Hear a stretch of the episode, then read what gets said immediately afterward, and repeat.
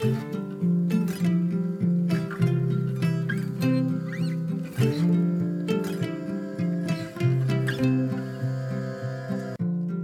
och välkommen till For Health med Anna Sparre. Idag pratar vi om EMF, elektromagnetiska fält. Det handlar om allt från mobiltelefoner och wifi till 5G, mikrovågsugnar, ANR och el från lampor och kylskåp. Och massvis med konkreta tips på hur du hanterar och skyddar dig själv i den värld vi lever i. Det här är, på er lyssnares förfrågan, den helsvenska versionen av intervjun med Brian Hoyer. Gillar du det här avsnittet så lyssna även på hela intervjun i avsnitt 232.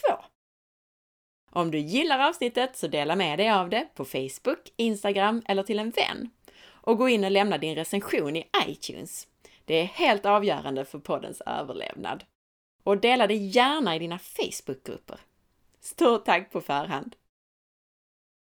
Det bästa från poddarna finns nu i skriftligt format som e-böcker på forhealth.se under fliken böcker. Tusen tack till dig som köpt och också till dig som lämnat en donation. Jag blir så tacksam och överväldigad när era namn skymtar förbi på kvittorna. Missa inte heller att boka mig som föreläsare, till exempel till ett event eller ditt företag.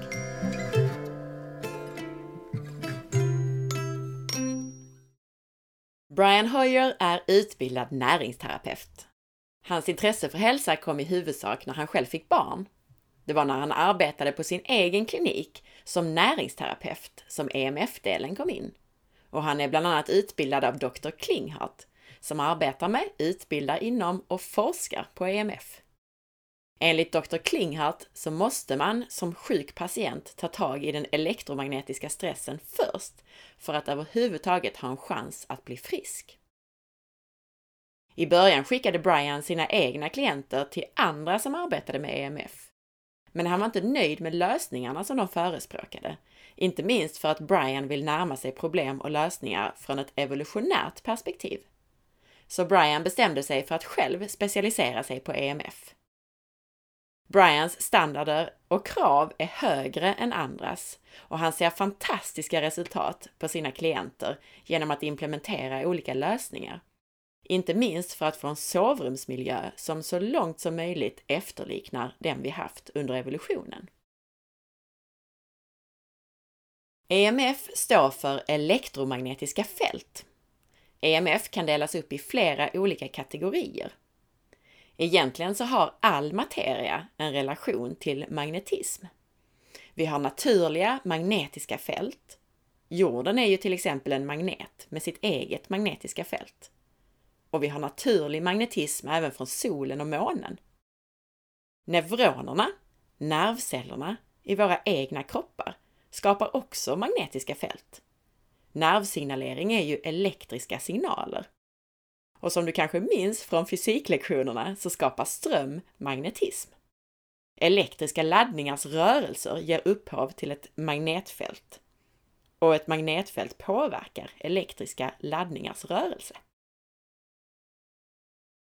Förutom den naturliga elektromagnetismen så har vi människor skapat pulserande fält, såsom elektriciteten som löper genom våra kablar och väggar som pulserar med en frekvens på 50 Hz. Utöver detta så har vi även en kategori av EMF som kallas Radio Frequency, trådlös information som färdas genom luften. De här kategorierna av EMF kan i sin tur delas upp ytterligare i joniserande och icke-joniserande strålning. Joniserande strålning innebär att den kan slå ut elektroner ur atomer som den kolliderar med vilket förvandlar atomerna till joner. När det gäller joniserande strålning så är det inte särskilt kontroversiellt att det är skadligt för oss. Saker som röntgen och UV-strålning är joniserande. Joniserande strålning kan alltså påverka elektroner och flytta dem från sin bana. Icke-joniserande strålning är sagd att den inte gör det, men nu kommer nya bevis på att så kanske ändå är fallet. Den stora skillnaden mellan naturlig magnetism och de fält som vi människor har skapat är att det vi skapat pulserar, vilket skakar runt våra kroppars celler och mineraler. Det påverkar därmed våra kroppars metabola processer. Och detta går att se om man tittar på det med mikroskop. Olika människor reagerar olika på de olika typerna av EMF. Brian berättar som exempel om en kvinna som påverkades mest av de trådlösa fälten. Hon kunde inte bli av med ringandet i öronen om hon hade sitt wifi på. Andra är mer påverkade av vanlig elektricitet. Brian tar en kvinna med nattliga svettningar som exempel. Svettningarna försvann när de fick ner påverkan från elektriska fält. Mekanismen kring hur EMF påverkar våra kroppar handlar om det som Brian benämner voltage gated calcium channels, det vill säga spänningsstyrda kalciumkanaler, vilka vi har i kroppens celler. Det är alltså elektrisk spänning som öppnar en kanal så att kalcium släpps in. Och det här händer nästan konstant när du exponeras för EMF. Brian hänvisar till studier som visar på hur EMF påverkar dessa spänningsstyrda kalciumkanaler. Ett sätt att hantera detta på är med magnesium, vilket är en mild blockerare av kalciumkanaler. Men vi behöver i första hand ge kroppen det den behöver för att kunna hantera stress, stressen från EMF, såsom en näringsrik kost. Och vi måste ta bort eller minska själva stressorerna. Brian betonar att vi också påverkas mest av EMF nattetid, då våra kroppar ska reparera sig. Det finns mycket forskning på effekterna av EMF. Man måste dock gräva lite för att få fram en del studier. Men på sistone så har mycket kommit ut, bland annat en som finansierades av FDA, det vill säga motsvarande Läkemedelsverket eller Socialstyrelsen i USA. Och det var en studie som visade en korrelation mellan mobiltelefonexponering och cancer. Men det finns mycket påverkan från industrin här som försöker underminera betydelsen av de här studierna. Brian betonar också det som jag skulle vilja kalla för EMFens cocktaileffekt. Studier kollar kanske på strålningen från din mobiltelefon, men vi är hela tiden påverkade av flera källor till EMF samtidigt. Inte minst från mobilmaster, tv och radiotorn till exempel. Studierna letar dessutom enbart efter så kallade hårda ändpunkter, såsom sjukdom och död. Men det är ju inte samma sak som att man kan må dåligt och vara sjuk av något utan att man direkt utvecklar cancer eller dör av det. Det finns bland annat också studier på autistiska barn. Det finns en koppling mellan var mamman till barnen sov under graviditeten det vill säga hur mycket EMF mammorna och fosterna utsattes för nattetid. Och om barnen fick autism. Det var en liten studie som visade detta, men ett väldigt tydligt samband. Dr. Klinghart anser att han med över 90% sannolikhet kan förutspå om ett barn får autism bara beroende på var mamman befann sig under graviditeten. EMF från mobiltelefoner tillhör kategorin trådlös, alltså det som kallas för radio frequency. Den är också icke-joniserande. Man har länge trott att icke-joniserande strålning inte kan ha några biologiska effekter. Men nu vet vi att det gör det. Bland annat via studien som nämndes här tidigare. Mobilindustrin menar att om det inte har en termisk effekt och gör att vävnad i kroppen blir varm, så har det inte någon effekt på kroppen. Men genom att EMF påverkar de här spänningsstyrda kalciumkanalerna i kroppen så har det andra effekter än att värma upp vävnad. Mikrovågor har samma frekvens som mobiltelefoner. Och mikrovågor kan, som i fallet med en mikrovågsugn, användas för uppvärmning. Brian menar att om du hade gett en mobiltelefon samma kraft eller effekt som en mikrovågsugn så hade den troligen kunnat användas för att värma upp din mat. Mikrovågsugnar tillhör också den trådlösa kategorin, men de producerar också magnetism på grund av den höga ström som flödar genom dem. En mikrovågsugn kommer att generera ett elektriskt fält bara för att den är inkopplad i väggen, även om den inte är påslagen. Den genererar dirty electricity, smutsig el, vilket vi kommer till senare i avsnittet. Den genererar ett magnetiskt fält, ibland även om den inte är påslagen, och den genererar trådlös så kallad radio frequency, det vill säga själva mikrovågorna. Stress, var den än kommer ifrån, inklusive stressen, påfrestningen på kroppen från EMF, påverkar de processer i kroppen som arbetar när din kropp är i parasympatikum. Stressen gör ju att vi är mer i det sympatiska nervsystemet och har mindre parasympatisk aktivitet. Därmed blir de processer som kräver parasympatisk aktivitet lidande. Du kommer till exempel inte ha en lika bra matsmältning när din kropp är i ett stressat tillstånd. Vill du lära dig mer om parasympatiska nervsystemet så kan du lyssna bland annat på avsnitt 9 och 164. Eftersom elektrisk apparatur genererar EMF till viss del även när den inte är påslagen så kan det vara värt att även dra ut sladdarna i sovrummet när du ska sova. Det vill säga inte bara stänga av lampor och annat. Det går dock att komma runt detta med olika sorters produkter, såsom särskilt skyddade sladdar. Tänk också på att den emotionella stressen över detta med EMF kan bli värre än själva stressen och påverkan från EMF i sig. Så hitta bra lösningar och stressa inte för mycket över resten. Prio är ditt sovrum. Ha inte mobiltelefonen påslagen i sovrummet. Om du tvunget ska ha den där så sätt den i flight mode. Måste man vara tillgänglig på natten av någon anledning så kan man förvara mobiltelefonen bakom till exempel en EMF-skyddande gardin så att det finns en barriär mellan dig och din telefon. Ha den inte heller inkopplad så att den laddar i sovrummet. Måste du ladda den nattetid är det bättre att använda en så kallad powerbank, det vill säga ett batteri, än att koppla in den till ett eluttag i väggen. Ytterligare en viktig sak är att stänga av mobildata på natten så att inte appar och annat ligger och arbetar i bakgrunden. På så sätt så kan du fortfarande ta emot samtal och sms utan att alla appar ligger och uppdateras konstant. Natten är så himla viktig eftersom det är då kroppen reparerar sig. Det är då stresshormon, kortisol, ska vara som lägst så att melatonin, sömnhormonet, kan vara som högst melatonin som ger oss återhämtning, sömn, hjälper oss att bekämpa oxidation och fria radikaler och så vidare. Extremt viktigt. EMF kommer ju också utifrån och passerar relativt enkelt genom våra väggar.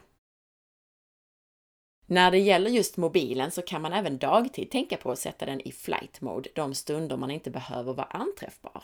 Försök att inte heller ha den nära din kropp. Det vill säga ha den inte i fickan till exempel. Det kan påverka risken för cancer. Avståndet spelar en enormt stor roll. Att bara ha telefonen några decimeter bort gör enormt stor skillnad gentemot att ha den intill kroppen.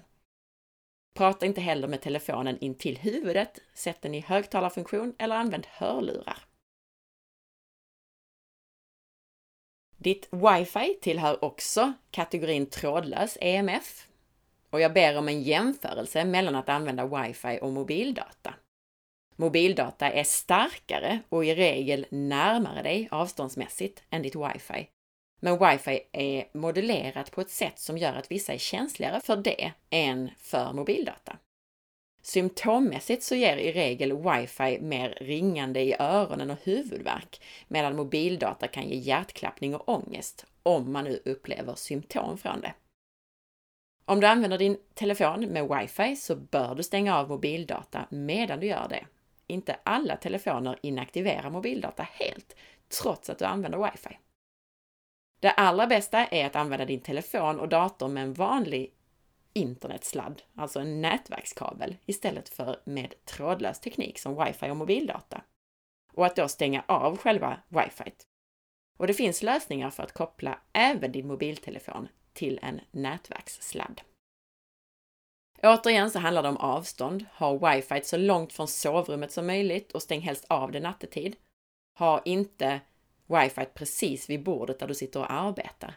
Du kan också använda skyddande material som en särskild EMF-skyddande filt till exempel och täcka över själva routern för att dämpa signalen och hur den påverkar dig. Behöver du ladda upp eller ladda ner något som är lite tyngre så kan du avtäcka routern medan du gör det. Brian berättar också om hur din egen kropp kan fungera som en antenn.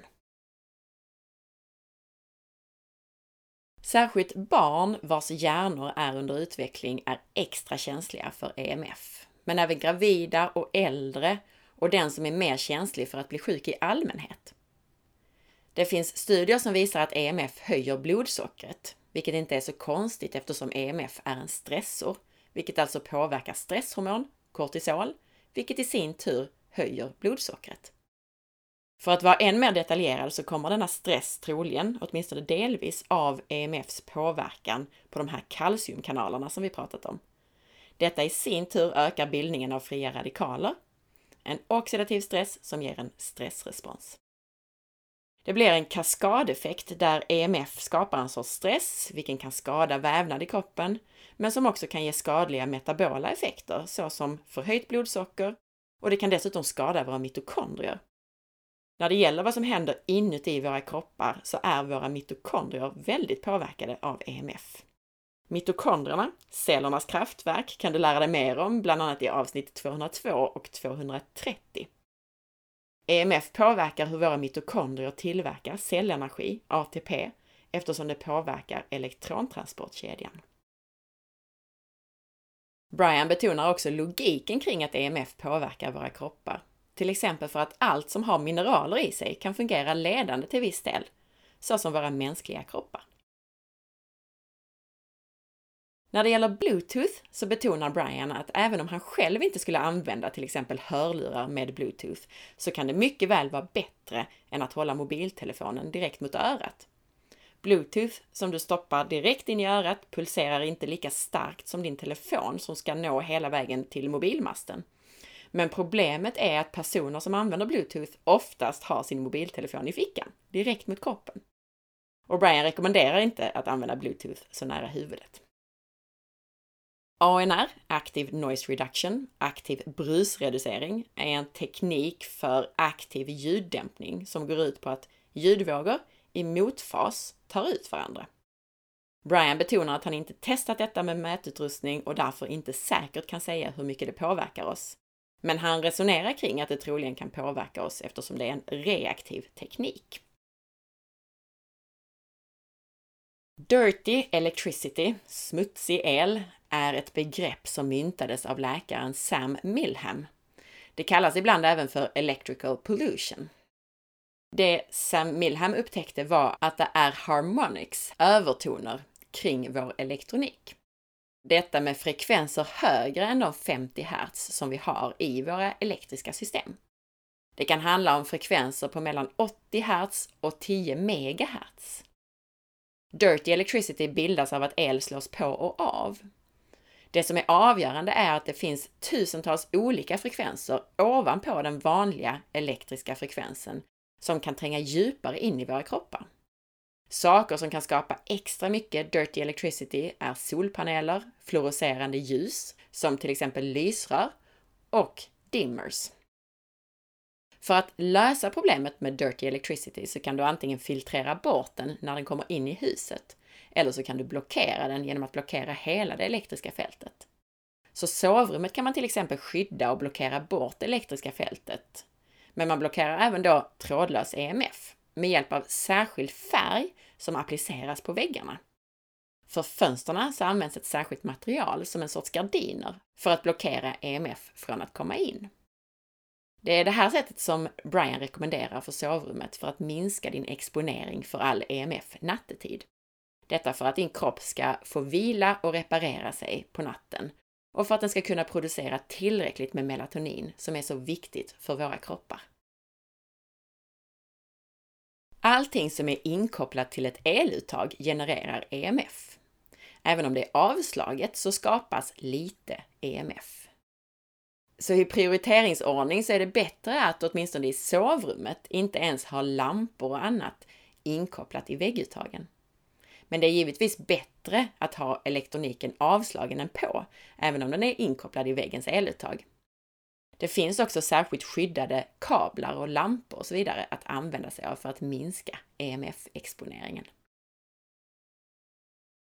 Allt som skapar mer stress för kroppen såsom EMF, gör kroppen mer sårbar för infektioner.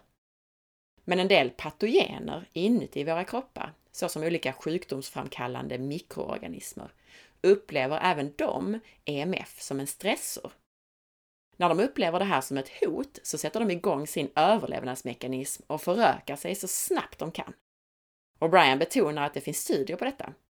Personer med infektioner kan alltså må särskilt dåligt av EMF. Brian tror också att det finns en koppling mellan EMF och ökningen av autoimmunitet. Han betonar dock att han baserar det här på egna erfarenheter och mätningar, men inte har sett studier på det. Om 5G säger Brian att om 3G och 4G var dåligt så är 5G att göra det exponentiellt mycket värre för oss. Men han betonar också att det är en viss hype kring det och att det baseras på för lite fakta eftersom inte många gjort riktiga mätningar på det. Brian berättar att vår telefonkommunikation och mobiltelefoner idag används på en frekvens mellan 900 och 1800 MHz. Det anses vara en låg frekvens i ett högfrekvensområde. De här frekvenserna är bra för tal och det fungerar för video, men det blir lite hackigt med video. Så Facetime till exempel kan bli lite hackigt om det används med mobildata. Med 5G så kommer detta att förbättras. För att göra det så ökar man bandbredden och för att göra det så behöver man öka frekvensen från de 9 till 1800 MHz till kanske 2 till 3 GHz. Och det är den frekvensen som vi har för wifi. Det gäller alltså nu då för mobiltelefoner och mobilmaster med 5G. Frågan är nu alltså om de här högre frekvenserna är sämre för oss. Det vet vi inte egentligen. Vi vet att alla är dåliga. Men vad som också händer är att när frekvensen ökar så blir det svårare för dessa frekvenser att penetrera fast materia. Och det här är anledningen till att ditt 2,4 GHz wifi har mycket bättre räckvidd än ditt 5,8 GHz wifi. Men ditt 5,8 GHz wifi är snabbare om du är nära det och har en bra signal. Så på vissa sätt så kan man säga att 5G kommer att vara bättre för att det inte har så bra räckvidd. Men för att det här ska fungera och för att vi ska få täckning från 5G-nätet så kommer man att behöva ha fler sändare, master. Så av den anledningen så blir det ändå sämre ur ett EMF-perspektiv. Men dessa signaler kommer alltså att vara något lättare att blockera och stänga ute. Brian betonar att olika personer kommer att påverkas olika av 5G och att vi vet för lite eftersom det inte finns mycket studier. Industrin vill inte ens medge att det finns ett problem och därför görs det inte studier på det. Saker som kan lindra effekterna av exponering för EMF är magnesium på grund av effekten på kalciumflödet i cellerna och antioxidanter på grund av effekten mot oxidativ stress. En särskild antioxidant som är användbar i det här avseendet är molekylärt väte, H2. Detta eftersom det specifikt används av kroppen för att ta hand om den sorts fria radikaler, peroxinitrit, som bildas av EMF-exponering. Brian Hoyer hittar du via shieldedhealing.com. Det viktiga är att inte stressa över allt detta. Det finns lösningar. Brian rekommenderar att man skaffar en egen mätare. Och starta med sovrummet. Gör det så EMF-fritt som möjligt. Tack för att du lyssnade! Jag hoppas att du gillade det här avsnittet. Gjorde du det, så dela med dig av det och sprid så att fler får ta del av den här spännande informationen om hur kroppen fungerar. Glöm inte att dela i dina Facebookgrupper också. Jag blir jätteglad om du vill lämna din recension i iTunes eftersom det hjälper andra lyssnare att hitta hit. Följ med på facebook.com forhealth.se där du kan hitta avsnittsinformationen till det här avsnittet som du kan dela och där du varje dag hittar länkar till nya hälsotips och annat. Följ också mig på Instagram via signaturen asparre och titta in på bloggen på forhealth.se. Ha en fantastisk dag så hörs vi snart igen. Hej då!